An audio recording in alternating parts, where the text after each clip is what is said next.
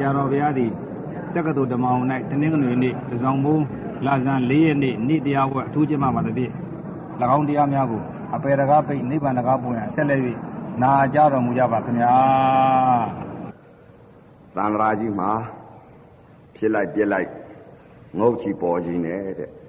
လူဖြစ်လိုက်နတ်ဖြစ်လိုက်မြမာဖြစ်လိုက်တလိษံတွေဖြစ်လိုက်ရေထဲကငါးတွေဖြစ်လိုက်ငရဲတွေခံလိုက်တဲ့ အဲ့ဒါဖြစ်လိုက်ပြက်လိုက်ပါဖရာတဲ့ဒီလိုဆိုတရားတောင်းသွားအဲ့တော့တရားတော့တောင်းတာတောင်းတာပဲတောင်းလို့ကတော့မရဘူးလှုပ်ယူမှာပဲရမှာပဲတရားဓမ္မများအဲ့တော့လှုပ်ယူကြတချို့ကတောင်းတော့တောင်းတယ်တချို့လည်းမတောင်းလို့ရတာတစားရှိတယ်မရတာရှိတယ် တောင်းလို့ရတာကကံမရအဲ့တော့တောင်းတော့တောင်းတာပဲတောင်းတော့လုံးမှလည်းရကြလိမ့်မယ်အဲ့တော့အခုတရားဆိုတာကသူတရားကမှန်တယ်ငါတရားကမှန်တယ်ဒီလိုမဟုတ်ပါဘူးတရားဆိုတာကမြတ်စွာဘုရားသမထ40ရှိတဲ့အ ਨੇ ကကြိုက်ရာလောက်ကြတာပဲအဲ့တော့ကြိုက်ရာတော့လောက်ကြတာပဲအရေးကြီးတဲ့အချက်ကဘာလဲ ပညာပရမတ်သိဖို့ယုံနာကွဲဖို့ဒါအရေးကြီးပါတယ်ဗျာယုံနာတချို့လဲယုံနာမကွဲဘူးလားကွဲတာပေါ့ယုံနာမသိဘူးလားသိတာပေါ့စာရီကြည့်ပြီးတော့ယုံနာသိတဲ့ပုဂ္ဂိုလ်ကများတယ်အဲ့တော့အမှတ်တင်ညာတွေကများအဲ့တော့သူတို့လည်းယုံနာမသိဘူးလားသိတာပဲတချို့စာအုပ်ကြီးဒီဖားပြီးတော့ရွတ်လိုက်ဖားလိုက်အာဆိုးလိုက်တဲ့ဥစ္စာဘယ်ပြောကောင်းမလဲတချို့က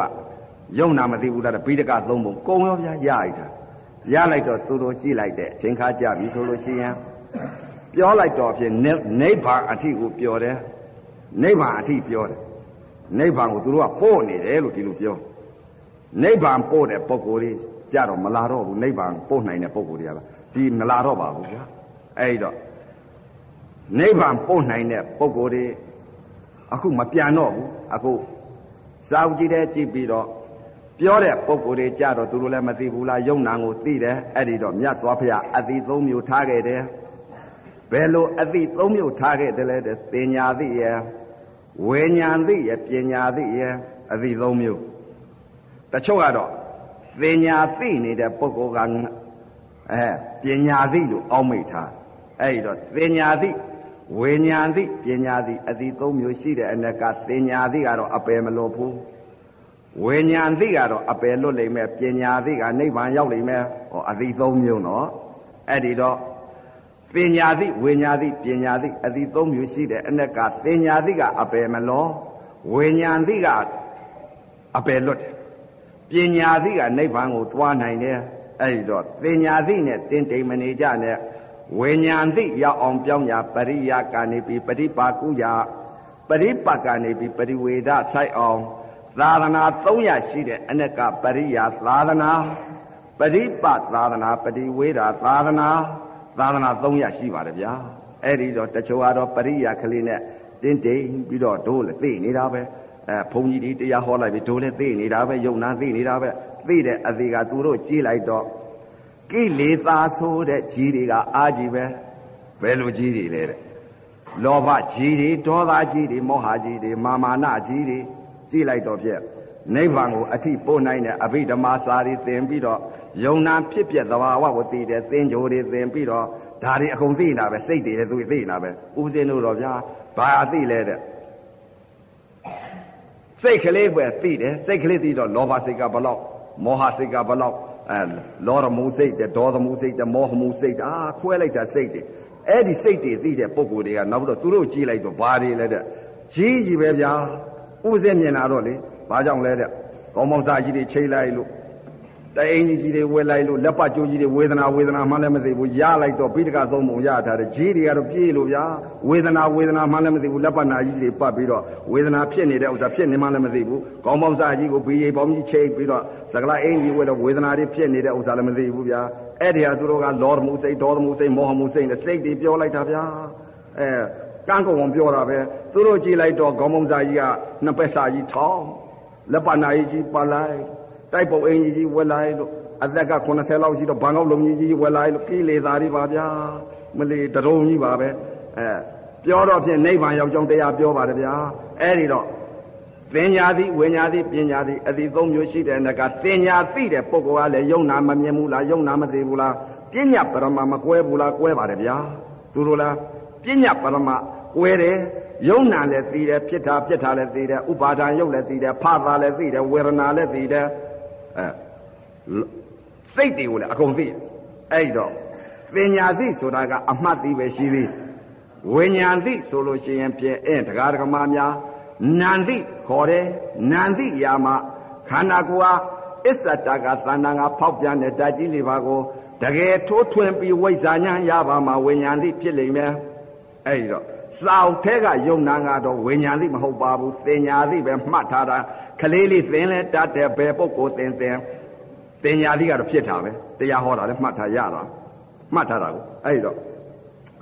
သင်ညာသိဝိညာသိပညာသိအတိသုံးမျိုးရှိတဲ့အနက်ကသင်ညာသိကလည်းယုံနာလည်းမြင်တယ်ခန္ဓာ၅ပါးလည်းသိတယ်ပရမသစ္စာလည်းသိတယ်သစ္စာ၄ပါးလည်းသိတယ်မသိဘူးလားသိတာပေါ့စာအုပ်ထဲကသစ္စာ၄ပါးသိစာအုပ်ထဲကခန္ဓာ၅ပါးသိ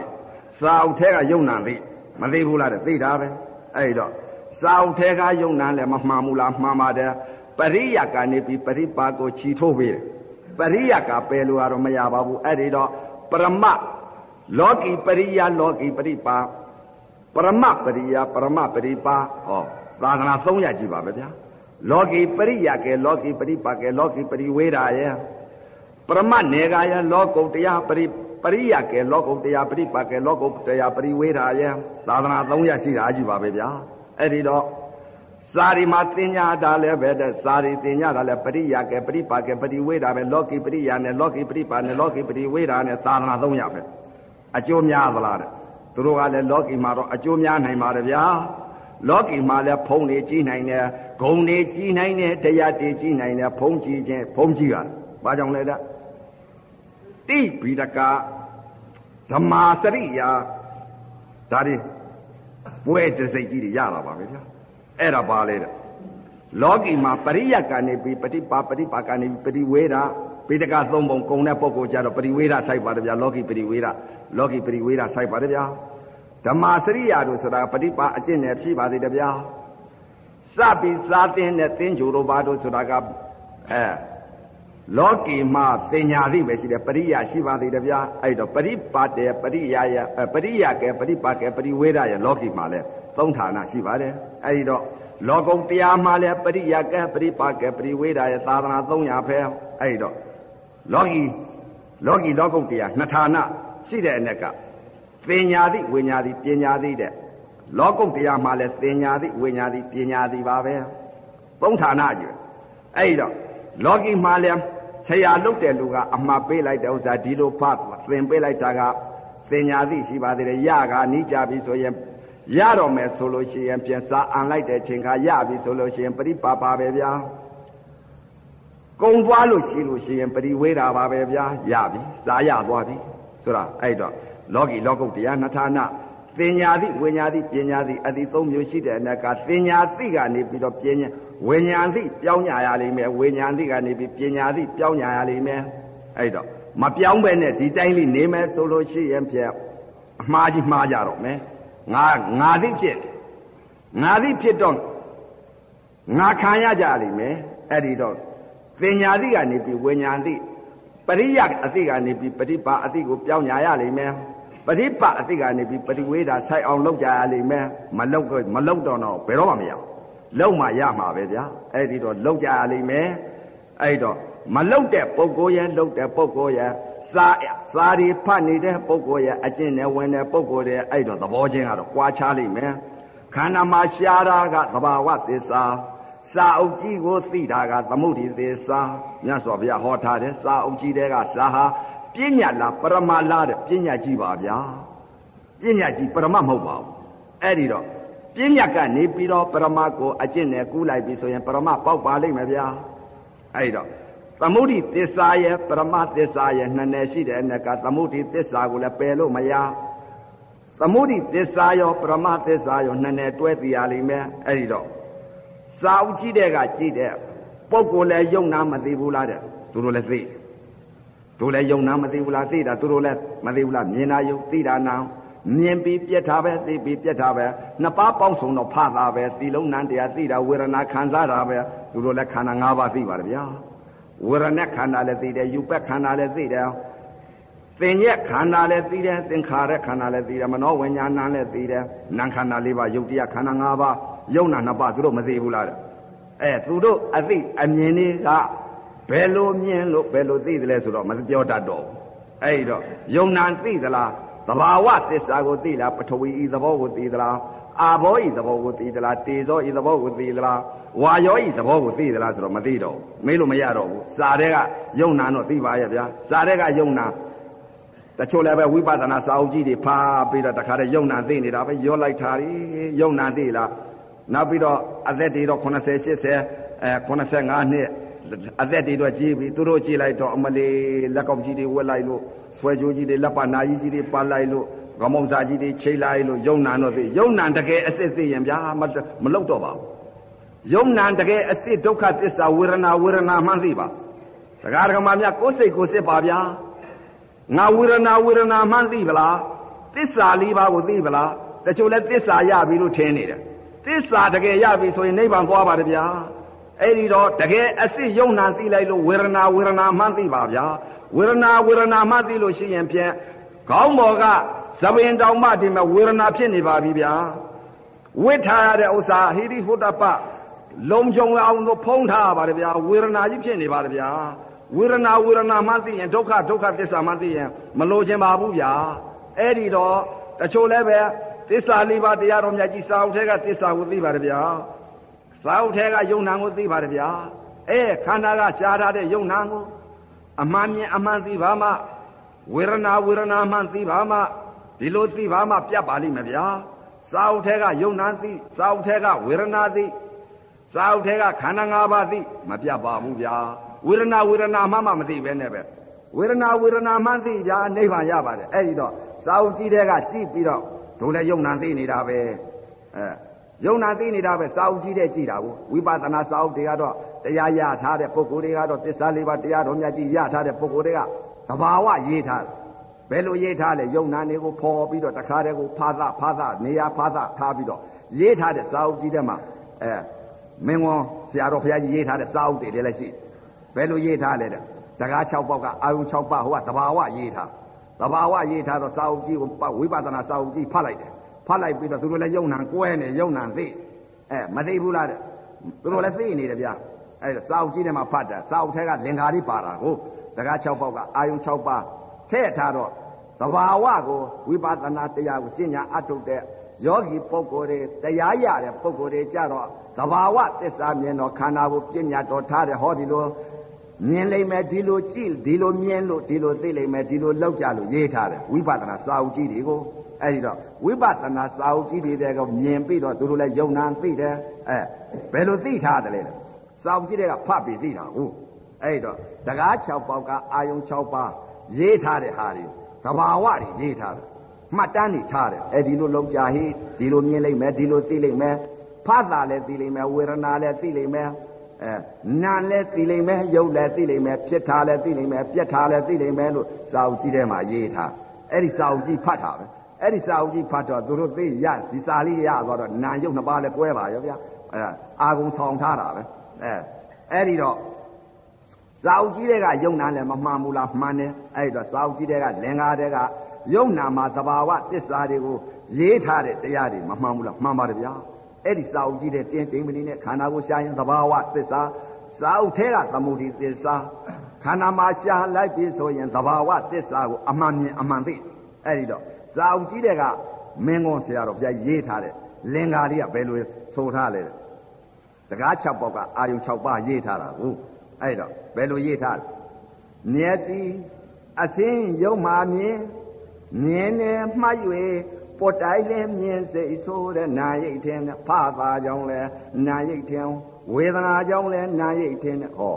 လင်္ကာလေးဆိုလိုက်မျက်စိမျက်စိကလည်းအကြည်ရုပ်ပါလားအသင်းကလည်းရုပ်ပါလားအကြည်ရုပ်နဲ့အသင်းယုံနဲ့ပေါင်းစုံလိုက်တဲ့ချင်းနှစ်ပါးပေါင်းစုံတော့ဖသာပါလား သီလုံးနံတရားကဝေဒနာခံစားလိုက်ပါလားဟောသူတို့မသိပါလားဟောသူတို့မသိဘူးလားယုံနာမကွဲဘူးလားအစင်းကလည်းယုံမျက်စိပသာရအကြည်ကလည်းယုံသီလုံးနံတရားကနံလို့အဲ့ဒါမသိဘူးလားသိတာပါပဲဗျာအဲနာအသာဤယုံမှမြင်ကြားတယ်မှတ်၍ပုတ်တိုင်လင်းကြားစိတ်ဆိုးတဲ့နာရိတ်တယ်ဖသာကြောင့်လည်းနာရိတ်တယ်ဝေဒနာကြောင့်လည်းနာရိတ်တယ်တဲ့ဟောဝေဒနာဆိုတာဒီလုံးနံတရား ခံစားလိုက်တဲ့ဝေဒနာခံစားလိုက်တာကနာဒီလိုသိတယ်နှစ်ပါးပေါင်းစုံလိုက်တာကဖသာဒီလုံးနံတရားကဝေဒနာခံစားလိုက်တဲ့အသာငယုံနာကယုံရုပ်ယုံချင်းထိခိုက်လိုက်တဲ့အချိန်ကနှစ်ပါးပေါင်းစုံတော့ဖသာဒီလုံးနံတရားသိလိုက်တာဝေဒနာခံစားလိုက်ပါလားဆိုတော့မသေးဘူးလားသိတာပါပဲဗျာယုံနာအများကြီးသိနှာခေါင်းအနာဤယုံမှမြင် နာနယ်မှတ်၍ပုတ်တိုင်းလင်းနာစိတ်ဆိုးတဲ့နာရိတ်ထဲဖသာကြောင့်လဲနာရိတ်ထဲဝေဒနာကြောင့်လဲနာရိတ်ထဲနဲ့ဟောအနာငါယုတ်နှာခေါင်းကယုံ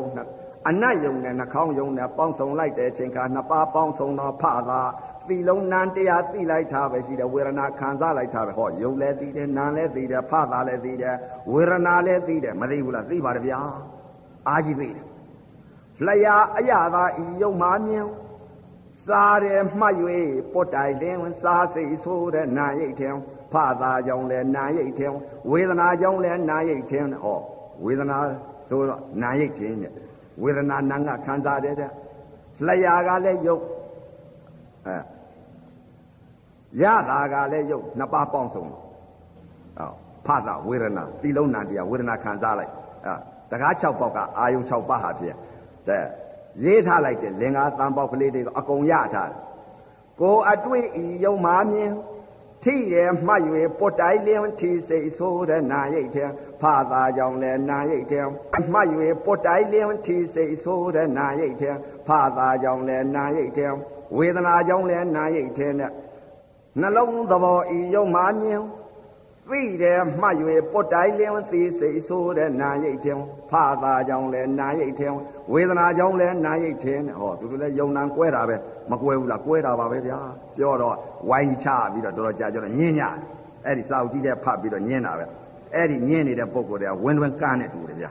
ဘာကြောင့်လဲတဲ့စာအုပ်ကြီးတွေကဖတ်ပြီးတကယ်ပရမတ်မှတ်ကြောက်တက်လိုက်တော့မသိဘူးဘာကြောင့်လဲတဲ့စာအုပ်ထဲကယုံနံသိတာကိုစာအုပ်ထဲကယုံနံကဖသဝေဒနာဓာတ်တွေသိတယ် အဲ့ဒီတော့စာအုပ်ထဲကယုံနံကဘယ်လိုမြင်လို့ဘယ်လိုသိလိုက်တယ်လဲဆိုတာအဲ့ဒီတော့တရားဓမ္မများကိုယ်စိတ်ကိုယ်စိတ်သိစာအုပ်ထဲကတော့အမှန်တဘာဝသစ္စာကိုရေးထားတယ်မှတ်တမ်းကိုရေးထားတယ်မကျင့်ဘူးမကျင့်တော့စာအုပ်ထဲကစာအုပ်တွေဖတ်ပြီးတော့တခါတည်းလေ့ကျင့်တော့တာပဲလေ့ကျင့်တော့ယုံနံကိုသိနေတာပဲညင်းဖို့ကျင့်တာနဲ့တူနေအဲ့ဒီတော့စာအုပ်ထဲကကျင့်ပြီးတော့စာအုပ်ထဲကကြည့်ပြီးတော့ပြောလိုက်တဲ့ဥစ္စာကတော့တခါတည်းဝိပဿနာထွတ်ထိပ်ကိုရောက်နေတာပဲအဲ့တော့ ဝိပဿနာထွတ်ထိပ်ကိုဖြစ်တာတွေပြက်တာတွေကိုယ်ရောသိလိုက်တာမှဗျာအဲစာအုပ်ထဲကယုံနံကိုလည်းသိတယ်ဖာသာလည်းသိတယ်ဝေဒနာလည်းသိတယ်အဲ့တော့စာအုပ်ထဲကယုံနံကိုကြည့်ပြီးတော့စာအုပ်ထဲကအမြင်အသိတွေအဲ့တော့စာအုပ်ထဲကယုံနံတော့သိပါရဲ့သူတို့မြင်တဲ့အမြင်တွေအသိတွေကြားတဲ့အကြားတွေအသိတွေဘယ်လိုမြင်လို့ဘယ်လိုသိလဲဆိုတော့မျက်စိနဲ့အသင်းနဲ့ပေါင်းစုံလိုက်တဲ့အချိန်ခါကြတော့သူတို့ကအသင်းမြင်သလား မျက်စိပသာရအကြည်ယုတ်ကသဘောမြင်သလားမဟုတ်ပါဘူးညာမြင်ပါဘူးဘာမြင်လဲမိမမြင်တာပဲယောက်ျားမြင်တာဘုံလဲများစွာဘုရားကိုတော်မြတ်ကြီးကယူပခန္ဓာဝေဒနာခန္ဓာသင်ညာခန္ဓာသင်္ခါရခန္ဓာမနောဝိညာဉ်နဲ့ခန္ဓာနာမ်ခန္ဓာ၄ပါးယုတ်တရားခန္ဓာ၅ပါးယုံနာ၂ပါးတဲ့မျက်စိကနေပြီးတော့ခန္ဓာ၅ပါးယုံနာ၂ပါးဖြစ်ပြီးဇာတိတရားကြီးရပါတယ်ဗျာဘယ်လိုဇာတိတရားကြီးရလဲတဲ့ ဝေဒနာဝေဒနာမှန်းလည်းမသိဘူးဒုက္ခဝေဒနာဒုက္ခဝေဒနာလည်းမသိဘူးဒုက္ခဝေဒနာဒုက္ခဝေဒနာနှစ်ပါးသိရင်နိဗ္ဗာန်ရပါတယ်ဗျာဒုက္ခဝေဒနာဒုက္ခဝေဒနာဆိုတာမျက်စိကလည်းဒုက္ခဝေဒနာဒုက္ခဝေဒနာနှစ်ပါးပါဗျာနားကလည်းဒုက္ခဝေဒနာဒုက္ခဝေဒနာနှစ်ပါးပါဗျာအဲစာအုပ်ကြီးတွေကဖသဝေဒနာတော့သိပါရဲ့နားနဲ့အသံနဲ့ကြားလိုက်တဲ့အချိန်ခါသာယာသောအသံလေးကြားလိုက်တော့တဏှာဖြစ်ပြီးတော့ခံစားမသာယာသောအသံကြားလိုက်တော့ဒေါသတွေဖြစ်တယ် အဲ့ဒါဒုက္ခဝေဒနာဒုက္ခဝေဒနာခံစားတာစာအုပ်ထဲကယုံနာတော့သိပါရဲ့ဘယ်တော့အပယ်လွတ်မလဲဘယ်တော့မှမလွတ်ဘူးမြေကြီးနဲ့လဝါနဲ့ပုတ်ရင်တော့လွဲရင်လွဲမလားအဲ့ဒီစာအုပ်ထဲကယုံနာကိုဖတ်ပြီးသိတဲ့ပုံကိုသေဂာနိဆဲဆဲကြတော့အဲ့ကြောသိလိမ့်အဲ့ဒီတော့စာအုပ်ထဲကယုံနာကိုကြည့်ပြီးတော့ဒကာဒကာမများမြင်တဲ့အမြင်တွေအသိတွေကြားတဲ့အကြာတွေအသည့်တွေနာနဲ့အနာတွေအသည့်တွေစားလိုက်တဲ့အရသာတွေအသည့်တွေ ငါတို့မြင်တဲ့အမြင်တွေအသည့်တွေအကြာတွေအနာတွေရတာတွေအတွေ့တွေဓမ္မတွေတကား6ပေါက်ကအာယုံ6ပါးဟာအမှန်မြင်သလားအမှန်သိသလားအမှားမြင်လားအမှားသိသလားအမှားမြင်အမှားသိလိုက်ပြီဆိုရင်အပယ်သွားတော့အဲ့ဒီတော့စာအုပ်ကြီးတဲ့ကယုံနာခန္ဓာမှာရှားတဲ့ယုံနာခန္ဓာမှာရှားတာကပရမတ်သစ္စာစာအုပ်ကြီးတဲ့မှာသိတာကသမုဒိသစ္စာ သမုဒိသစ္စာအဓိပ္ပာယ်သဘာဝကပြောပြအဲ့တော့စာအုပ်ထဲကယုံနာနဲ့ခန္ဓာမှာရှားတဲ့ယုံနာနဲ့သဘာဝဟာသဘောချင်းဟာကွာတယ်မကွာတယ်ကိုအဲ့တော့တရားဓမ္မများစာအုပ်ထဲကယုံနာကိုလည်းမမှန်ဘူးလားမှန်တယ်ခန္ဓာကရှားတဲ့ယုံနာလည်းမမှန်ဘူးလားမှန်တယ်ခန္ဓာကရှားတဲ့ယုံနာကသဘာဝသစ္စာစာအုပ်ကြီးတဲ့ကကြည်တာကသမုဒိသစ္စာအဲ့ဒီတော့စာအုပ်ထဲက သာလင်ရေးချဝစီနှလုံးပေါက်တော်သာမမှန်ဘူးလားမှန်တာပေါ့စာမမြင်အောင်သာသာရှိတယ်ဘယ်မှာတွေ့လဲမတွေ့အောင်အဲ့တော့သာလင်ရေချာဝစီနှလုံးပေါက်တော်စာစာတဲ့ကစာကိုသေးသေးချာချာဖတ်လိုက်ဖတ်ပြီးတော့စာဤအတိတ်ပဲသဘာဝကိုသိရအောင်မိဖို့ကြောင့်လည်းဝင်မိဖို့ကြောင့်လည်းဝင်လိုက်ပြီဆိုလို့ရှိရင်ပြန်စင်အိုးတွေကစာကိုလက်ကျုပ်လက်သုံးချောင်းနဲ့နှိုက်လိုက် လက်သုံးချောင်းနဲ့နှိုက်ပြီးတော့အပြင်ဘက်ကိုထုတ်ယူခဲ့ထုတ်ယူခဲ့ပြီးတော့ဇပွဲပေါ်ကိုတင်လိုက်ဇပွဲပေါ်တင်ပြီးတော့သေးသေးချာချာကြည့်မျက်စိနဲ့ကြည့်မျက်စိနဲ့ကြည့်လိုက်ပြီဆိုလို့ရှိရင်မြင်လိုက်မယ်ဘယ်ဟာကိုမြင်မလဲမျက်စိပတာရအကြည်ယုတ်ကအသင်းယုတ်ကိုမြင်လိုက်မယ်အသင်းနဲ့မျက်စိပတာရအကြည်ယုတ်နဲ့ရုပ်ရုပ်ချင်းထိခိုက်လိုက်တဲ့အချိန်ကသီလုံးနှံတရားဝေဒနာခံစားလိမ့်မယ်အဖြူလေးရဲ့လို့ အသင်းပရမသဘောတရားလေးကိုတွေ့နိုင်မယ်အသင်းပရမအဖြူလေးရဲ့လို့တွေ့မယ်ဗျအဲ့ဒါသာကပရိကြည့်တာဒါလေးနဲ့အသင်းပရမအဖြူလေးရဲ့လို့တင်းတိမ်မနေနဲ့အောင်သေးသေးချာချာကြည့်လိုက်အောင်သေးသေးချာချာအသင်းပရမကိုမြင်ပြီးတော့သိပြီးတော့မရနိုင်မနေနဲ့သေးသေးချာချာပြန်ပြီးကြည့်လိုက်အောင် သေးသေးချာချာပြန်ပြီးနောက်စိတ်ကလေးသေးသေးချာချာပြန်ပြီးနောက်စိတ်ကလေးကပြန်ကြည့်လိုက်ပြီးဆိုသံဌာနပညာအခဲလေးရဲ့လို့အမှုန့်လေးရဲ့လို့သိလိုက်လေအဲ့ဒါသံဌာနပညာအခဲလေးအမှုန့်လေးပါလားလို့သိလိုက်အဲ့ဒါအစင်ပရမအဖြူလေးရဲ့လို့လည်းသိတယ်စားဆိုတာစားဆိုတာအစင်ပရမအဖြူလေးပါလားသံဌာနပညာအခဲလေးအမှုန့်လေးပါလားအဲ့ဒီလိုမြင်တယ်သဘောတရားလေးအဲ့ဒီတော့ သံဌာနပညာအခဲလေးရဲ့လို့လည်းတင်းတိမ်မနေနဲ့အစင်ပရမအဖြူလေးရဲ့လို့လည်းတင်းတိမ်မနေနဲ့အောင်အဲ့ဒီဇပွဲဘောကိုတင်းနေတဲ့စားကိုလက်သုံးချောင်းနဲ့ယူလက်သုံးချောင်းနဲ့ယူပြီးတော့လျှာဘောကိုတင်လိုက်လျှာဘောကိုတင်လိုက်ပြီဆိုရင်ရသာဤယုံနဲ့လျှာယုံနဲ့ပေါင်းစုံလိမ့်မယ်ပေါင်းစုံလိုက်ပြီဆိုရင်ဖသာဆိုတဲ့ဝေဒနာဖြစ်လာလိမ့်မယ်ဒီလုံးနံတရားက ငါနေဆိုတဲ့သဘောလေးကိုဝေဒနာခံစားလိုက်လေသဘောတရားလေးသဘောတရားလေးပြမတ်အဲ့ဒီလိုခန္ဓာကိုရှာလိုက်တဲ့ပုံကိုကြတော့ကပရိစားစားတယ်လို့ဗျငါနေဆိုတဲ့ရတာဤပရမတ္ထသဘာဝငါနေဆိုတဲ့သဘောတရားလေးတွေ့လိုက်စောက်ကြည့်တဲ့ကတော့မငါဘူးဗျာမြင်လည်းမမြင်ရဘူးစားအဖြူလည်းမမြင်ရဘူးအဆင်းလည်းမမြင်ရဘူးအခဲလည်းမမြင်ရဘူးစားစားပဲအဲ့ဒါစားတဲ့ကယုံနာလည်းမမှန်ဘူးလားမှန်တယ်ခန္ဓာကို ရှားလိုက်ပြီဆိုရင်ရတာဤပရမတ္ထသဘာဝစားကပတိစားစားတယ်လို့ငါနေဆိုတဲ့သဘောမြာကိုတွေ့လိမ့်မယ်အဲ့ဒီတော့တရားဓမ္မများပညာသည်ရဝိညာသည်ရပညာသည်ရအသည့်သုံးမျိုးရှိတဲ့အ내ကပညာသည်နဲ့တော့မနေနဲ့အပယ်မလွတ်ဘူးဝိညာသည်ပြောင်းညာရလိမ့်မယ်ဝိညာသည်ဆိုတာခုနစားစားလိုက်တော့စားယုံနဲ့လျှာယုံနဲ့ပေါင်းစုံလိုက်တဲ့အချိန်ခါ ငါနဲ့ဆိုတဲ့သဘောတရားလေးဝေဒနာခံစားလိုက်လိမ့်မယ်အဲဝေဒနာခံစားလိုက်တဲ့အချိန်ခါသဘောတရားလေးဟာပြန်ဝေဒနာဝေဒနာမှသိအဲ့ဒီတော့စားတဲ့ကယုံနာလည်းမမှန်ဘူးလားမှန်တဲ့ခန္ဓာကိုရှားတဲ့ယုံနာကတော့သဘောတရားလေးကိုငါနဲ့ဆိုတဲ့ပရမတ္ထသဘာဝဓာတ်ကြီးလိပါကိုမြင်ကြလိမ့်မယ်အဲ့ဒီတော့ခန္ဓာကိုရှားမှသာလဲသဘောပေါက်ကြလိမ့်မယ်အနုမို့ရင်စားတဲ့ကယုံနာကတော့မမှန်ဘူးလားမှန်တယ် အဲ့တော့ပရိယာကနေပြီးပရိပါကိုကူကြပရိပါကနေပြီးပရိဝေဒာဆိုင်လိမ့်မယ်အဲ့ဒီတော့ပရိယာသာသနာပရိပါသာသနာပရိဝေဒာသာသနာသာသနာ300ရှိတဲ့အနက်ကပရိယတ်ကရှိထိုးရတာပရိယတ်ကနေပြီးလမ်းညွှန်ရတာခန္ဓာမှာလည်းပရိယနဲ့ပရိပါပရိဝေဒသာသနာ300ပဲရှိတယ်အဲ့ဒီတော့တချို့တော့သင်္ကြိုသင်မပေါ့သင်္ကြိုသင်ပြီးမှစိတ်တည်နားလည်မှ တရားရမယ်ပြီးတဲ့အဘိဓမ္မာတရားတွေလုံးမှတရားရမယ်လို့ဒီလိုပြောပါတယ်ဗျာခန္ဓာမှာလည်းလောကီလောကီမှာလည်းလောကီပရိယာလောကီပရိပါလောကီပရိဝေဒခန္ဓာမှာလည်းလောကုတ်တရားပရိပရိယာလောကုတ်တရားပရိပါလောကုတ်တရားပရိဝေဒသာသနာ300ပါပဲဗျာဒီမှာလည်းပရမတ်စာတွေသင်နေပါတယ်ဗျာ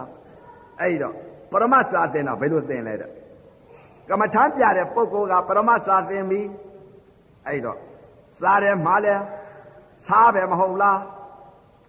အဲ့တော့စားလေးရေချာဝစီနှလုံးပေါက်တော့စားပဲမဟုတ်လားအဲ့တော့စားတဲ့ကပူတယ်ဆိုတာပဆောင်ရေးနှချောင်းဝင်ပူပဲမဟုတ်လားအဲ့တော့ခန္ဓာမို့အရှာခိုင်းလိုက်တယ်ပရမတ်စာသင်လိုက်တယ်ပရိယ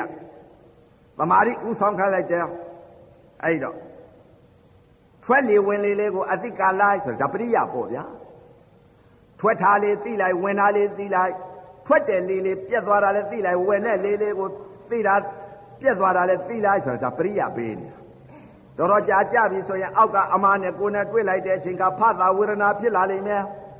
ဝေဒနာဖြစ်လာတော့နှာသီးပြသိနေတဲ့နန္တရားမနေနိုင်တော့ဘူးဝေဒနာသွားသိလိမ့်မယ်ဝေဒနာသွားသိလိုက်ပြီဆိုရင်ကာယသတိပဋ္ဌာန်ဝေဒနာသတိပဋ္ဌာန်စိတ်ဓာသတိပဋ္ဌာန်ဓမ္မသတိပဋ္ဌာန်သတိပဋ္ဌာန်တရား၄ပါးနဲ့ပြလိုက်တယ်ဟောတာကသတိပဋ္ဌာန် တရားကာယသတိပဋ္ဌာန်ဟောတာကဝေဒနာသတိပဋ္ဌာန်ဟောတာကစိတ်ဓာသတိပဋ္ဌာန်ဟောတာကဓမ္မသတိပဋ္ဌာန်လို့ခေါ်တယ်အဲ့ဒါပရိယပေးတာပါဗျာဒါလောကုတ်တရားပရိပရိယပါပဲဗျာအဲတချို့ကတော့အဘိဓမ္မာသင်ရသင်ရအောင်မယ်သင်္ကြိုသင်ရအောင်မယ်လို့ပြောတယ်ဒီမှာလည်းသင်္ကြိုတွေအဘိဓမ္မာတွေအဲဒါတွေသုတ်တန်တွေဝိနည်းတွေသင်နေပါတယ်ဗျာအဲ့တော့ဟောဒီလိုရှုဟောဒီလိုတွေ့လိမ့်မယ်ဆိုတာဒါပရိယသင်နေတာအဲ့တော့ဟာအဲ့တော့ ဟောဒီလိုရှုဟောဒီလိုတွေ့လိမ့်မယ်ဆိုတာဒါပရိယသင်နေတာအဲ့တော့ခန္ဓာကိုယ်ရှာလိုက်ပြီဆိုလို့ရှိရင်သဘောပေါက်လာလိမ့်မယ်ဘယ်လိုသဘောပေါက်မလဲပရိယလက်လက်ဥပေးလိုက်တဲ့ကမ္မထမ်းပြတဲ့ဆရာကထွက်လေဝင်လေလေးကိုသီးလိုက်ထွက်တဲ့သဘောလေးသီးလိုက်ဝင်တဲ့သဘောလေးကိုသီးလိုက်ထွက်ထားလေးသီးလိုက်ပြီဆိုရင်ထွက်တယ်လေးလေးပြက်သွားလိမ့်မယ်ထွက်တယ်လို့သိတဲ့နာနဲ့ပြက်သွားလိမ့်မယ်နာနဲ့ယုံနဲ့တထတိဖြစ်တထတိပြက်တဲ့သဘောကိုသိလိမ့်မယ် အဲ့ဒီလိုပရိယကိုပေးလိုက်ပရိယပေးလိုက်တော့နာသီပြထွက်လေဝင်လေလေးကိုတွန်းသဘောလေးကံသဘောလေးအဲဗဟိတကကံပို့လိုက်တဲ့သဘောလေးအစ္ဆတကကံပို့လိုက်တဲ့ဝါယောဗဟိတကကံပို့လိုက်တဲ့ဝါယောအဲဝါယောဓာတ်ကလေးကိုရှုထွက်တော့တွန်းသဘောကံသဘောတွန်းသဘောကံသဘောဒါဒီသဘောလေးတွေရှုဖြစ်တာတွန်းတာလေးဘလူဟာသိလိုက်တယ်လေနာငါသိလိုက်တယ်တွန်းတာပြက်သွားတော့တွန်းတယ်လို့နာငါသိသေးသလားမသိတော့ဘူးနာယုံနှစ်ပါးတထတိဖြစ်ပြီးတထတိချုပ်သွားပြန်ပြီ ကာနာလေးဘလူဟာသိလိုက်တယ်နာငါသိတာကာနာပြက်သွားတော့ကာနယ်လို့သိမှုလေးကလည်းမရှိတော့ဘူးနာနဲ့ယုံနဲ့တထတိဖြစ်တထတိပြက်သွားပြန်ပြီအဲ့ဒီလိုပရိယပေးပါတယ်ဗျာအဲ့ဒီလိုပရိယပေးလိုက်တော့ဟောတရားကျင့်တဲ့ပုဂ္ဂိုလ်ကဖြစ်ထားတယ်ပြက်ထားတယ်ဖြစ်ထားတယ်ပြက်ထားတယ်နှာသီးပြာဝါယောတဤလက္ခဏာသဘောဖြစ်ထားနဲ့ပြက်ထားနဲ့ဖြစ်ထားနဲ့ပြက်ထားနဲ့ဒါပေးလိုက်တော့အဖြစ်ဧကကရာအပြက်ဧကကရာတီးပြီးအဖြစ်ဧကကရာအပြက်ဧကကရာတီးလာပြီဆိုလို့ဖြစ်ထားနဲ့ပြက်ထားနဲ့ ဝါယောဤသဘောတတွန်းသဘောရဲ့ကံသဘောရဲ့လှုပ်ရှားသဘောရဲ့ဖွဲ့စည်းသဘောရဲ့ကြက်သဘောရဲ့တင်းသဘောရဲ့မာသဘောရဲ့အကုန်သိလားအဲပရိပတ်ကူးတော့မယ်အဲ့ဒီတော့ခန္ဓာဝါယောဓာတ်ဤလက္ခဏာသဘောတွေတွန်သဘောကံသဘောရှုရင်ရှုရင်နဲ့အောက်ကအမားနဲ့ကိုယ်နဲ့တွေ့လိုက်တဲ့အချိန်ခါဒီမှာဖြစ်တာပြက်တာရှုတော့အောက်ကအမားနဲ့ကိုယ်နဲ့တွေ့လိုက်တဲ့အချိန်ခါပထဝီဤလက္ခဏာသဘောတွေအာဘောဤလက္ခဏာသဘောတွေတေဇောဤလက္ခဏာသဘောတွေဝါယောဤလက္ခဏာသဘောတွေဖောက်ပြန်လာ ဖောက်ပြန်လာတဲ့အချိန်ခါကျတော့နာသီပြကတ်နေတဲ့နံတရားဟာဖြင့်မနေနိုင်တော့ဘူးသူသဘောနဲ့သူပြောင်းသွားတာငါလောက်ရင်အတ္တကိုဟာကိုလောက်ရင်အတ္တဘာကြောင့်လဲတဲ့လုံယူတာကိုမြတ်စွာဘုရားကအတိတ်အနာကပြစ္ဆုတ်ပံကာလသုံးပါးဟောထားတယ်ပြစ္ဆုတ်ပံတဲ့တဲ့လိုက်ရမယ်တဲ့မြတ်စွာဘုရားဟောထားပါတယ်ဗျာဥပဇင်ဟောတာဟုတ်ပါဘူးပြစ္ဆုတ်ပံတဲ့တဲ့မလိုက်ဖဲနဲ့လုံယူတဲ့တရားစင်လုံယူရင်အတ္တအတ္တဆိုလို့ရှိရင်အတ္တပဲမြင်မှာ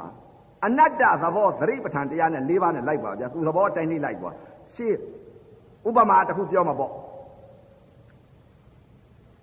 လူဆိုးတယောက်ဟာကိုနောက်ကစီရင်တီလိုက်တယ်လို့မျက်ခြေမပြတ်လိုက်နေရသဘောကိုနာသဘောရုပ်သဘောကိုလိုက်ရ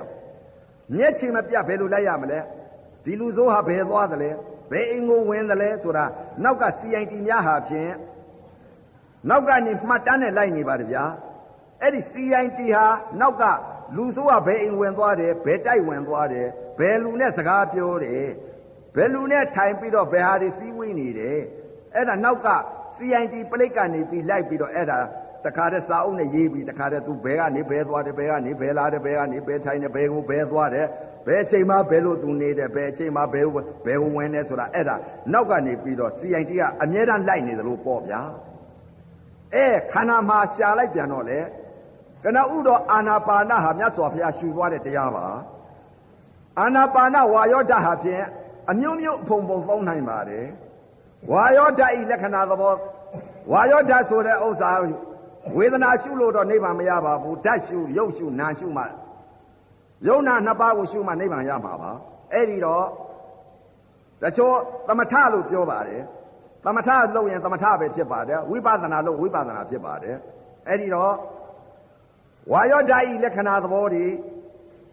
ရှုရင်းရှုရင်းနဲ့ဖြစ်တာတွေပြက်တာတွေသဘောတရားတွေတွန်းသဘောတရားတွေကံသဘောတရားတွေဖွဲ့စည်းသဘောတွေဒါတွေသိလားသိလာတော့အောက်ကအမားနဲ့ကိုယ်နဲ့တွေးလိုက်တဲ့အချိန်ခါကျတော့ဓာကြီးလေးပါဖောက်ပြန်ဖောက်ပြန်လာတော့ပထဝီသဘောတရားဘယ်လိုဖောက်ပြန်လာတယ်အာဘောဤသဘောတရားဘယ်လိုဖောက်ပြန်လာတယ်တေဇောဤသဘောတရားဘယ်လိုဖောက်ပြန်လာတယ်ဝါယောဤသဘောတရားဘယ်လိုဖောက်ပြန်လာတယ်နာသီပြကတ်နေတဲ့နံတရား အောက်ကအမာနဲ့ကိုယ်နဲ့တွေးလိုက်တော့ဖသဝေဒနာဖြစ်လာဝေဒနာဖြစ်လာတော့နှာသီးပြကတ်နေတဲ့နံတရားမနေရတော့ဘူးကိုယ့်ဟာကိုယ်သွားပြီးတော့အလုတ်ပြီးတော့ရင်ကြိုက်ပြီးမစိုက်ရပါဘူးဗျာသူ့ဟာသူပြောင်းသွားပါလိမ့်မယ်သူ့ဟာသူပြောင်းသွားဝေဒနာဖြစ်ရင်သူ့ဟာသူပြောင်းတယ်မြတ်စွာဘုရားသတိပဋ္ဌာန်တရား၄ပါးထားပြခဲ့တယ်မဟုတ်လားကာယဝေဒနာစိတ်တာဓမ္မတဲ့ဟောနှာသီးပြသိသိပြီးတော့ဝါယောဓာတ်ကလေးကိုရှုနေတာကကာယသတိပဋ္ဌာန်ကိုခေါ်တယ်ဝေဒနာဖြစ်လာတဲ့အချိန်ခါဝေဒနာနာပြောင်းသွားတယ်သူသဘောနဲ့သူ သူသဘောနဲ့သူပြောင်းပြီးသိလိုက်တယ်ဝေဒနာသွားသိလိုက်တာဝေဒနာသတိပဋ္ဌာန်လို့ခေါ်တယ်ကိုလုံးမယူရပါဘူးဗျာသူသဘောနဲ့သူပြောင်းပါတယ်မြတ်စွာဘုရားသူဒီယုံနဲ့ဒီနာသူသဘောလို့ပြောပါတယ်ဗျာသူသဘောနဲ့သူဖြစ်လာတဲ့ယုံသူသဘောအတိုင်းလေးလိုက်သွားသူသဘောသူသဘောအတိုင်းလိုက်သွားပြီဆိုရင်ပလိမြ CIT လူဆိုးလိုက်နေတယ်သူသဘောအတိုင်းလိုက်သွားရင်သူသဘောအဲဒီလူဆိုးကြီးဟာဖြစ် ရှောက်ပြီးတိုင်မလိုက်တဲ့ဥစ္စာဓမြတိုက်တာပဲဓမြတိုက်တော့မနဲ့ကြတော့ CIT ကလိုက်ပြီးတော့သွားဖိုင်းတာပဲဘတ်ဆိုမိတာပဲလမ်းဆုံးရွာတွေ့တာအဲ့ဒီဥပမာလို့ပေါ့ဗျာသူသဘောအတိုင်းလိုက်သွားရင်သူသဘောအတွေ့တွေ့မှာပဲငါသဘောလုပ်ရင်ငါပဲဖြစ်မယ်အဲ့ဒီတော့ကာယသတိပဋ္ဌာန်ဝေဒနာသတိပဋ္ဌာန်စိတ်ဓာသတိပဋ္ဌာန်ဓမ္မာသတိပဋ္ဌာန်သတိပဋ္ဌာန်တရား၄ပါးထားခဲ့တာပါဗျာဥပဇင်ဟောတာဟုတ်ပါဘူးမြတ်စွာဘုရားကိုတော်မြတ်ကြီးသူထားခဲ့တဲ့တရားပါဗျာသတိပဋ္ဌာန်တရား၄ပါးနဲ့လိုက်ရင်အမှန်မြင်အမှန်သိပါလိမ့်မယ်ဗျာ မြတ်စွာဘုရားကိုတော်မြတ်ကြီးကအတိတ်ကိုလည်းမတွင်နဲ့မရောက်သေးတော့အနာဂတ်စိတ်ကိုလည်းမတွင်နဲ့ပြစ္ဆုတ်ပံတဲ့တယ်လေးကိုရှုရလိမ့်မယ်တဲ့ပြစ္ဆုတ်ပံဆိုတာဘာလဲတဲ့ပေါ်စေရုပ်ပေါ်စေနာပေါ်စေရုပ်ပေါ်စေနာဆိုတာပြစ္ဆုတ်ပံခေါ်ပါတယ်ဗျာ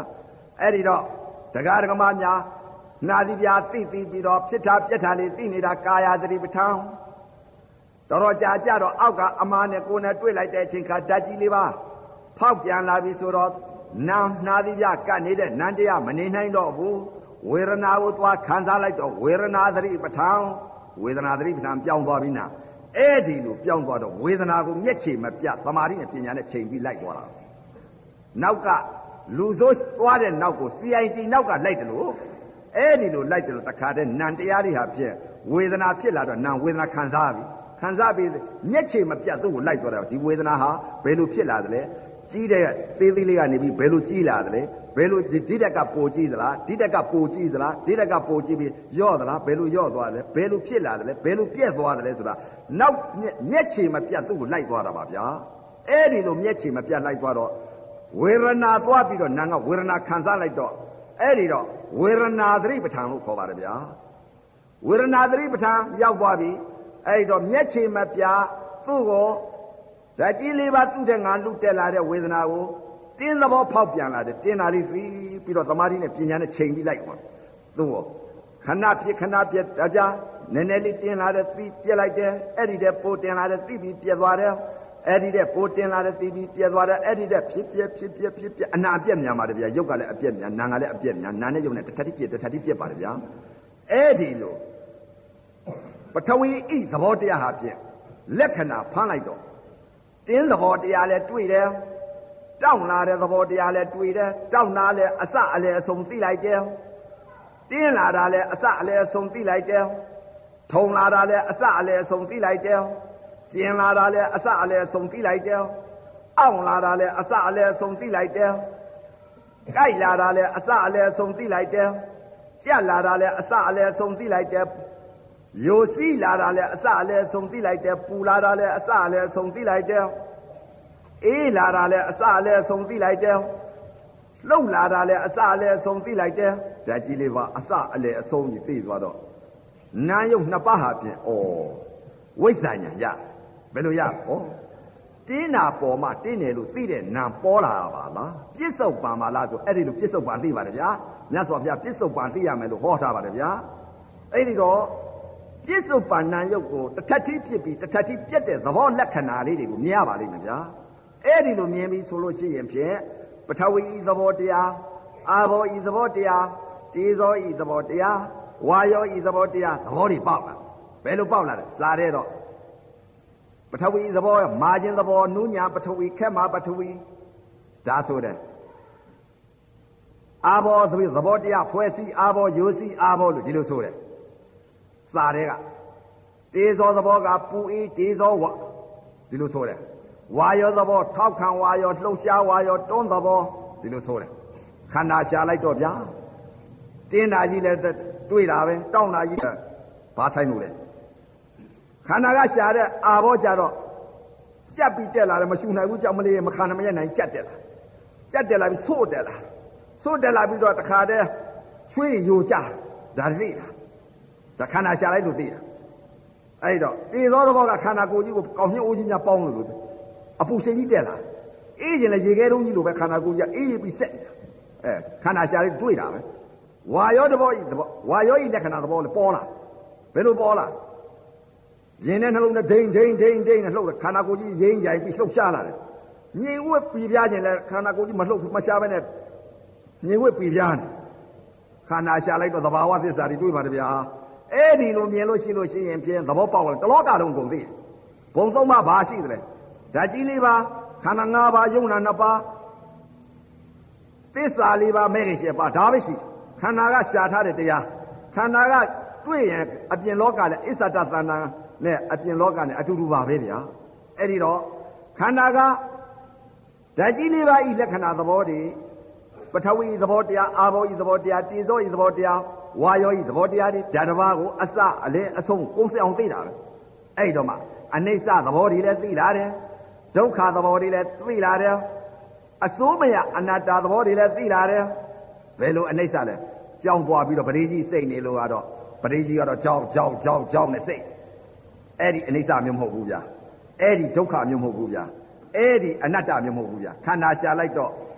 သဘာဝအနိစ္စသဘာဝဒုက္ခသဘာဝအနတ္တတွေ့ ကျောင်းကိုသွားပြီးရိုးရိုးတဏ္ဍပရိကြီးကိုရှစ်ပါးသီလခံပြီးတော့သိလိုက်ကြတာနိစ္စဂိတဝါရိတဝိသုကာဒါဗနာမာလကန္တာဝိလိပနဓာရဏမာနနာဝိပုရဏဌာနဝေရမဏိသိခာပရံသမာရိယာမိတဲ့လုံလာလားမလုံပါဘူးယာသီလပရိကြီးတော့စိတ်နေပါလဲကြောက်ကြောက်ကြောက်ကြောက်နဲ့ပါဇက်ကတောင်ပြောမြောက်ပြောပြီးတော့မျက်စိကဟိုကြည့်ဒီကြည့်နားဟိုထောင်ဒီထောင်ကိလေသာတွေသီလလုံလားမလုံပါဘူးသူတို့သိထားတဲ့အနိစ္စဘယ်လိုအနိစ္စလဲ အိုးကွဲသွားတယ်အနိစ္စရောက်သွားပြီပကံကွဲတယ်အနိစ္စရောက်သွားပြီခလုတ်တိုက်တော့နာတော့ဒုက္ခဒုက္ခကြီးဒါသိအိုးကွဲအနိစ္စပကံကွဲအဒုက္ခခလုတ်တိုက်တဲ့ဒုက္ခဒါပဲသိအဲ့ဒီတော့ခန္ဓာမှာရှားလိုက်တဲ့ပုံကိုကြပြီဆိုရင်ဓာကြီးလေးပါဤလက္ခဏာသဘောတွေပထဝီဤဖောက်ပြန်တဲ့သဘောအာဘောဤဖောက်ပြန်တဲ့သဘောတေဇောဤဖောက်ပြန်တဲ့သဘောဝါယောဤဖောက်ပြန်တဲ့သဘောသဘောတွေတွေ့ဘယ်လိုတွေ့ ခန္ဓာမှာသမာဓိနဲ့ပညာနဲ့ချိန်ပြီးတော့လက္ခဏာဖတ်လိုက်ပြီဆိုရင်ပထဝီသဘောကဘယ်လိုဖောက်ပြန်လာလိမ့်တဲ့အမှန်တွေ့ပြီဒီမှာတင်းတဲ့သဘောလေးဖောက်ပြန်လာတာတွေ့ပြီတောက်တဲ့သဘောလေးဖောက်ပြန်လာတာတွေ့ပြီကျင်းတဲ့သဘောလေးဖောက်ပြန်လာတာတွေ့ပြီတောက်တဲ့သဘောလေးထုံတဲ့သဘောလေးအောက်တဲ့သဘောလေးကြိုက်တဲ့သဘောလေးဒါပထဝီသဘောတရားအာဘောဤသဘောတရားကကြက်တဲ့သဘောတရားလေးယိုစီးတဲ့သဘောတရားလေး တေဇောဤသဘောတရားပူတဲ့သဘောတရားလေးအေးတဲ့သဘောတရားလေးဝါယောဤသဘောတရားကရင်နဲ့နှလုံးနဲ့ဒိတ်ဒိတ်ဒိတ်ဒိတ်နဲ့တုံးတဲ့တွန်းတဲ့သဘောတရားလေးကာတဲ့သဘောတရားလေးလှုပ်ရှားတဲ့သဘောတရားလေးထောက်ခါတဲ့သဘောတရားလေးခန္ဓာမှာရှားလိုက်တော့ဓာတ်ကြီးလေးပါသူ့တဲ့ငါလွတ်တက်ပြီးတော့ဖြစ်လိုက်ပြက်လိုက်ဖြစ်လိုက်ပြက်လိုက်ဖြစ်လိုက်ပြက်လိုက်အဲ့လိုဖြစ်ပြက်နေတဲ့သဘောတွေတွေ့အနိစ္စမြင်လားဘယ်လိုမြင်လားဩတင်းတာပေါ်တော့ပြစ္ဆုတ်ပါသိလား တင်းတာပေါ်တော့တင်းတယ်လို့သိတဲ့နာမလားတင်းတာပြက်သွားတော့တင်းတယ်လို့သိမှုလေးကလည်းမရှိပါလားဩနာယုတ်နှစ်ပါးတထတိဖြစ်ပြီးတထတိပြက်ပါလားဒီယုတ်နဲ့ဒီနာဘယ်ကလာသလဲဘယ်ကလာမှလည်းမသိဘူးပြက်တော့လည်းဘယ်ပြက်သွားမှလည်းဘယ်သွားလို့ဘယ်လာမှလည်းမသိဘူးပြစ္ဆုတ်ပန်လားပေါ်စေယုတ်ပေါ်စေနာမလားပြစ္ဆုတ်ပန်ပါလားလို့ဆိုပြစ္ဆုတ်ပန်သိလိုက်ပြီအဲဘယ်ကလာတယ်ဆိုလဲအတိတ်ကိုမသိရဘူးဘယ်ကလာမှလည်းမသိဘူး ပေါ်စေယုတ်ပေါ်စေနာနဲ့ပေါ်စေအကြောင်းအလျော်ဆိုတိုက်ခက်လိုက်တဲ့အချိန်ကပြစ္ဆုတ်ပန်ပေါ်လာတင်းတာပေါ်တော့တင်းတယ်လို့သိမှုလေးပေါ်ရတင်းတာလည်းပြက်သွားတော့တင်းတယ်လို့ခံစားတဲ့နားလည်းမရှိ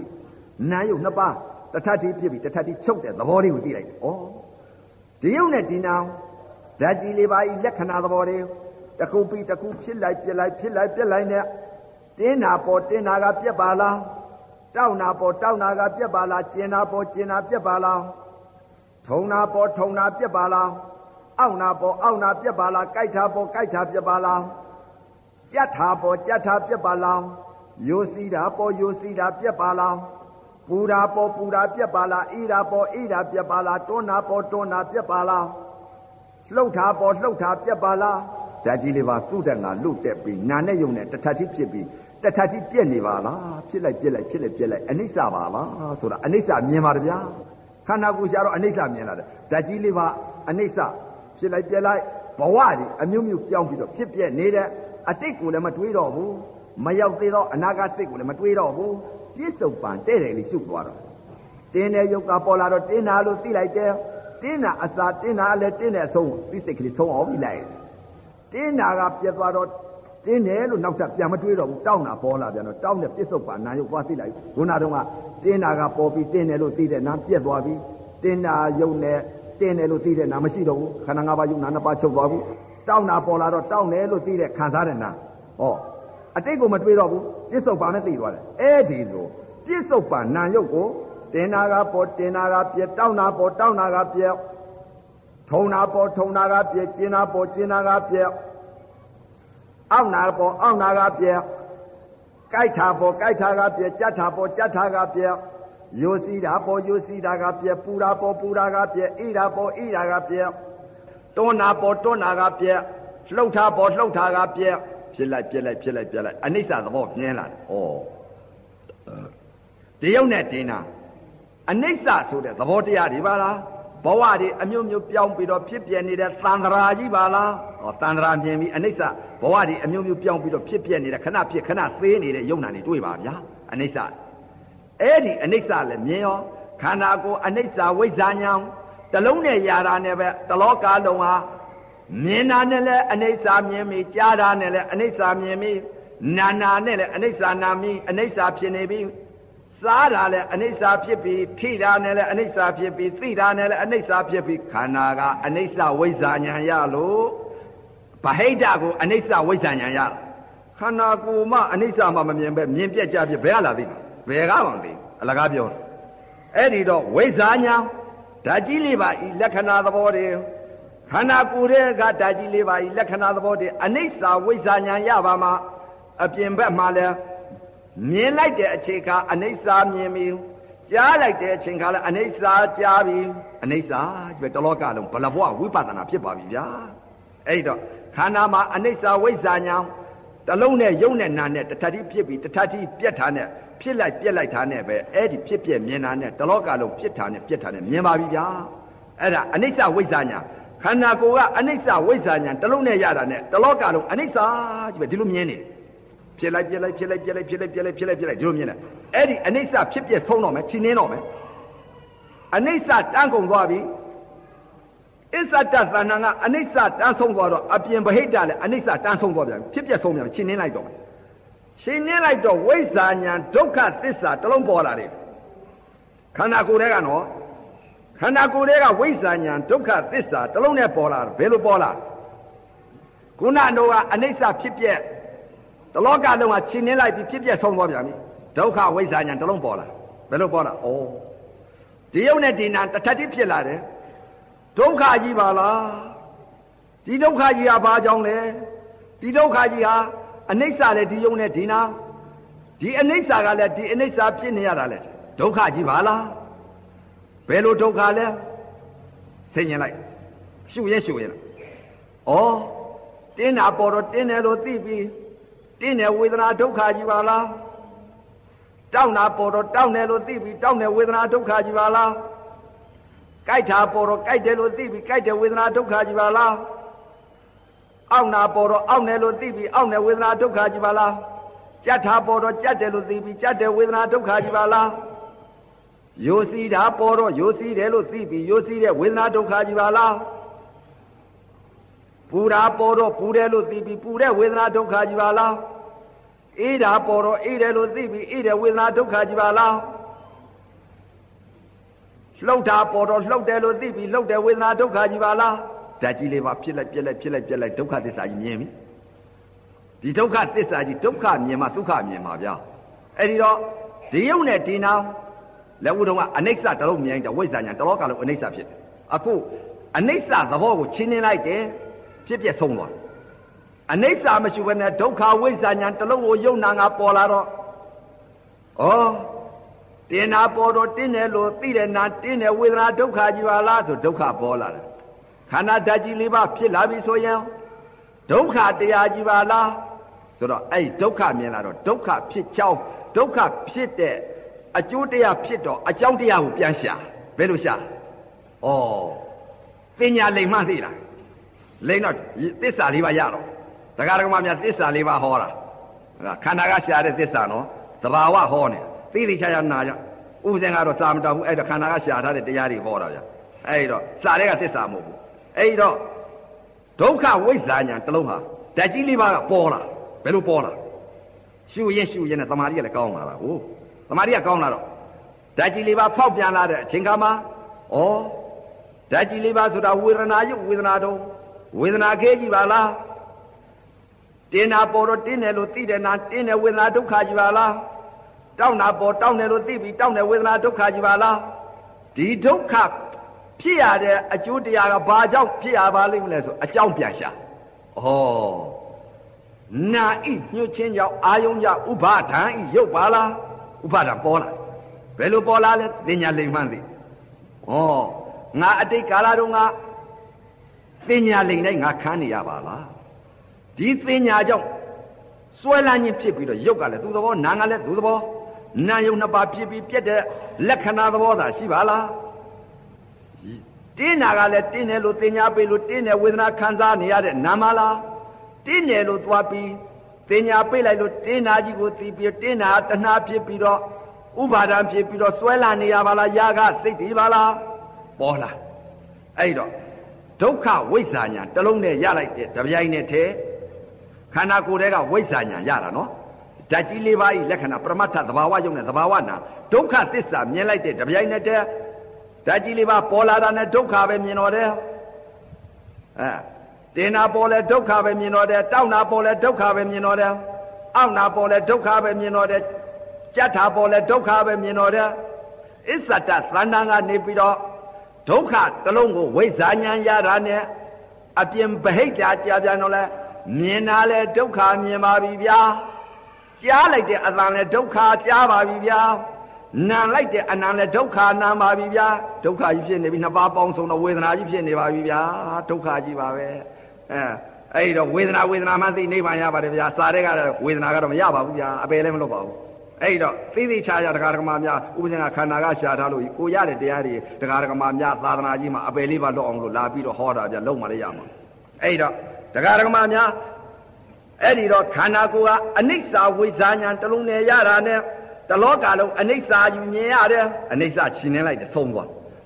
ဒုက္ခဝိဇ္ဇာညာယုံနာဘောကဒုက္ခဝိဇ္ဇာညာတလုံးနဲ့ရတာနဲ့မြင်တာလည်းဒုက္ခကြားတာလည်းဒုက္ခနာတာလည်းဒုက္ခစားတာလည်းဒုက္ခထိတာလည်းဒုက္ခသိတာလည်းဒုက္ခအိပ်ရတာလည်းဒုက္ခယိုရတာလည်းဒုက္ခပေါက်ရတာလည်းဒုက္ခ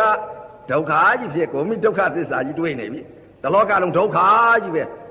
အဲ့တော့ဒီဒုက္ခကြီးမြင်တော့ဒုက္ခကြီးမလို့ခြင်းတော့အဲ့တော့မှဒုက္ခအကြောင်းတရားဒုက္ခဖြစ်ကြောင်းအကြောင်းကိုရှာဘယ်လိုကြောင့်လွတ်တော့မယ်အဲ့တော့ဩဒုက္ခအကြောင်းတရားသင်ညာလိန်လို့သွားပြီးတော့ဝေဒနာကိုနာတယ်လို့သွားပြီးတော့သင်ညာပေးလို့နာခြင်းသမှုတရားတဏှာဖြစ်နေပါလားဝိဇ္ဇာညာပေါ်လာပြန်ပြီ ဒုက္ခချင်းနေမြန်တော့မယ်ဟာဒီယုံနဲ့ဒီနာဘောကသင်ညာကိုသိလားဩနာတယ်ဆိုလို့သွားပြီးတော့သင်ညာကိုသင်ညာကလိန်လိုက်လို့နာတယ်လို့သင်ညာပေးလိုက်လို့နာရာကြီးတဏှာဖြစ်ပြီးတော့ဥပါဒံဖြစ်ပြီးစွဲလာရပါလားကြိုက်တယ်လို့သင်ညာပေးလိုက်လို့ကြိုက်ထားကြီးတဏှာဖြစ်ပြီးစွဲလာရပါလားဥပါဒံဖြစ်ရပါလားအောင့်တယ်လို့သင်ညာပေးလို့အောင့်ရပါလားကြိုက်တယ်လို့သင်ညာပေးလို့ကြိုက်ရတယ်ပူတယ်လို့သင်ညာပေးလို့ပူရတယ် လှုပ်တယ်လို့သင်ညာပေးလို့လှုပ်ရတယ်အေးတယ်လို့သင်ညာပေးလို့အေးရတယ်ရုပ်ကတော့သူ့သဘောနာမ်ကတော့သူ့သဘောသူ့သဘောနဲ့သူဖြစ်နေတာပဲအဲ့ဒီတော့မှခန္ဓာကိုယ်ကသမှုတရားတစ်လုံးကိုသင်ညာကိုမြင်လာပြီဟောနားတယ်လို့သွားပြီးသိလိုက်တာသမှုတရားပါလားဒါကလည်းသွားပြီးသိတာပဲသမှုတရားအဲ့တော့မှခန္ဓာကိုယ်ဟာအနိစ္စဝိဇ္ဇာညာတစ်လုံးရပြီဒုက္ခဝိဇ္ဇာညာတစ်လုံးရဘူးဘီသမှုတရားဆိုတဲ့ပါသိလား ဘယ်လိုသိလားဩနာတယ်ဆိုတာသမှုတရားပါလားကြိုက်တယ်ဆိုတာသမှုတရားပါလားအောင့်တယ်ဆိုတာသမှုတရားပါလားပူတယ်ဆိုတာသမှုတရားပါလားအေးတယ်ဆိုတာသမှုတရားပါလားကြက်တယ်ဆိုတာသမှုတရားပါလားယူစီးတယ်ဆိုတာသမှုတရားပါလားလှုပ်တယ်ဆိုတာသမှုတရားပါလားခန္ဓာကိုယ်ကသမှုတရားတစ်လုံးကိုဝိဇ္ဇာဉာဏ်ရတာနဲ့မြင်တယ်ဆိုတာလည်းသမှုတရားပါလားကြားတယ်ဆိုတာလည်းသမှုတရားပါလားနားတယ်ဆိုတာလည်းသမှုတရားပါလား စားတယ်ဆိုတာလည်းသမှုတရားပါလားအေးတယ်ဆိုတာလည်းသမှုတရားပါလားထိတယ်ဆိုတာလည်းသမှုတရားပါလားသိတယ်ဆိုတာလည်းသမှုတရားပါလားယူတယ်ဆိုတာလည်းသမှုတရားပါလားပေါက်တယ်ဆိုတာလည်းသမှုတရားပါလားတဲ့အစ္ဆတသဏ္ဏံကသမှုတရားတလုံးမြင်လိုက်တာနဲ့ဗဟိတတော့သမှုတရားကြီးဖြစ်ကုန်တာဝိဇ္ဇာညာကိုဝိဇ္ဇာညာတစ်ခုတည်းရတာနဲ့အကုန်လုံးသစ္စာလေးပါသမှုတရားမြင်တာနဲ့မြင်တာသမှုတရားမြင်တော့သမှုတရားကိုပယ်လိုက်တော့ တရားဓမ္မများဝေဒနာချုပ်သွားပြီဝေဒနာမခံစားတော့ဘူးမျက်စိကလည်းဝေဒနာသမှုတရားသိလို့သမှုတရားပယ်လိုက်တော့နိရောဓဆိုင်သွားပြီဝေဒနာချုပ်သွားပြီမခံစားတော့နားကသမှုတရားသိတော့ဝေဒနာမခံစားတော့သမှုတရားပယ်လိုက်တော့နိရောဓစိုက်သွားပြန်ပြီဝေဒနာချုပ်သွားရင်နိရောဓပဲသစ္စာ၄ပါးဒကာမကြီးတို့သစ္စာ၄ပါးဟောတာစာတွေကသစ္စာဟောတာမဟုတ်အဲ့ဒီတော့မျက်စိကလည်းဝေဒနာချုပ်ဖို့အရေးကြီးတယ် တကယ်အစ်စ်သစ္စာလေးပါတရားတော်များကြီးရပြီဆိုရင်မျက်စိကလည်းသစ္စာလေးပါပဲနားကလည်းသစ္စာလေးပါပဲနှာခေါင်းကလည်းသစ္စာလေးပါပဲပါဇက်ကလည်းသစ္စာလေးပါပဲကိုယ်အတွေ့ကလည်းသစ္စာလေးပါပဲမနှောကလည်းသစ္စာလေးပါပဲတကား6ပေါက်ကအာယုံ6ပါးဝေဒနာချုပ်နိဗ္ဗာန်လို့မြတ်စွာဘုရားဟောထားတယ်ဖြစ်ပြက်ဆုံးနိဗ္ဗာန်နဲ့အနိစ္စဖြစ်ပြက်ဆုံးရမယ်ဒုက္ခဖြစ်ပြက်ဆုံးရမယ်သမုဒိယဖြစ်ပြက်ဆုံးရမယ်သမုဒိယသိတာနဲ့និရောဓဆိုင် အဲ့တော့သစ္စာလေးပါးတရားတော်များကြည်လာဖြင့်မျက်စိတကားနာတကားနှာခေါင်းတကားပါးစပ်တကားကိုယ်တကားမနောတကားအဲ့ဒီတကားကဝေဒနာမခံစားရင်နိဗ္ဗာန်ရပါတယ်ဗျအခုတော့ဗျာအဘိဓမ္မာတွေရွတ်လိုက်ကြတာအဲကြည့်တော့ပြသူတို့ကြည့်လိုက်တော့ခေါင်းပေါင်းစားကြီးတွေကမလီပီပေါင်းကြီးတွေချင်းလို့လက်ပတ်နာကြီးတွေဝေဒနာဝေဒနာလည်းဝေဒနာမှလည်းမသိဘူး အရိယာများကတော့ဝေဒနာဝေဒနာမှသိလို့ဘာမှမလို့ချင်ပါဘူးဗျာမျက်စိကလည်းဝေဒနာချုပ်သွားပြီမကြည့်ချင်ဘူးချောတာတွေလာတာတွေမကြည့်ချင်တော့ဘူးအတန်လေးလည်းမကြားချင်တော့ဘူးအနံ့လေးလည်းမနာချင်တော့ဘူးရတာတွေလည်းမစားချင်တော့ဘူးကိုယ်အတွေ့တွေလည်းမထိချင်တော့ဘူးမနှောတွေလည်းမသိချင်ဘူးဘာကြောင့်လဲအကြောင်းတရားအကျိုးတရားမြင်နေပါပြီဗျာအကြောင်းကြောင့်အကျိုးဖြစ်နေတယ်ဆိုနာအကြောင်းရုပ်အကျိုးရုပ်အကြောင်းနာအကျိုးကာလသုံးပါးမြင်နေပါပြီဗျာအဲ့ဒီလိုမြင်နေလို့ပါဗျာဒါကြောင့်မလို့အရိယာများအမတန်ကြောက်ပါတယ်ဗျာ အဲဘာကြောင့်လဲဝေဒနာအနာကြောက်တယ်ဝေဒနာမခံစားခြင်းဘူးအဲ့ဒီတော့အန္တပုထုဇဉ်တွေတော့မသိကြလို့မလေးဝေဒနာခံစားလိုက်ကြတာအဲဆွဲဆိုးကြီးတွေဆွဲကြိုးကြီးတွေကို30သားလောက်ကိုဆွဲလိုက်တော့ဝေဒနာကြီးဖြစ်နေတာလည်းမသိဘူးကိလေသာအာယုန်နဲ့ငါတော့ဆွဲကြိုးကြီး30သားလောက်ဆွဲနိုင်တယ်ဆိုတော့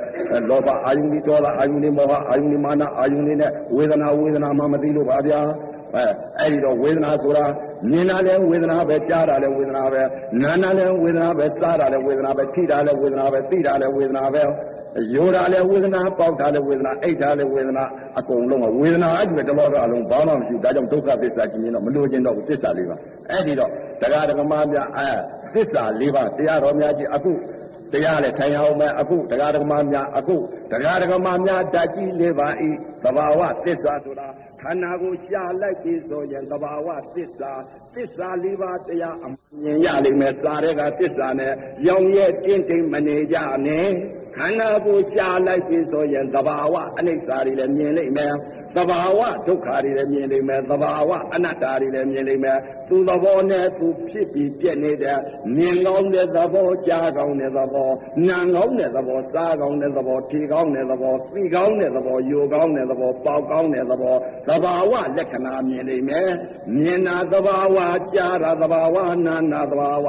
စားတာသဘာဝထိတာသဘာဝသိတာသဘာဝအဲ့ဒီလိုသဘာဝလက္ခဏာမြင်သွားပြီဆိုရင်ပြည့်တရားတော်မှာများတလောကလုံးအကုန်သိပါတယ်ဗျာအဲ့ဒီတော့တရားတော်မှာများ တရားတွေထိုင်ရရလေဦးမယ်အဲ့ဒီတော့အခုတရားတော်မှာများသစ္စာလေးပါးတရားတော်များကြီးဟောကြားဆုံးမဩဝါဒပေးရတဲ့အာနိသင်ကြိုကြောင့်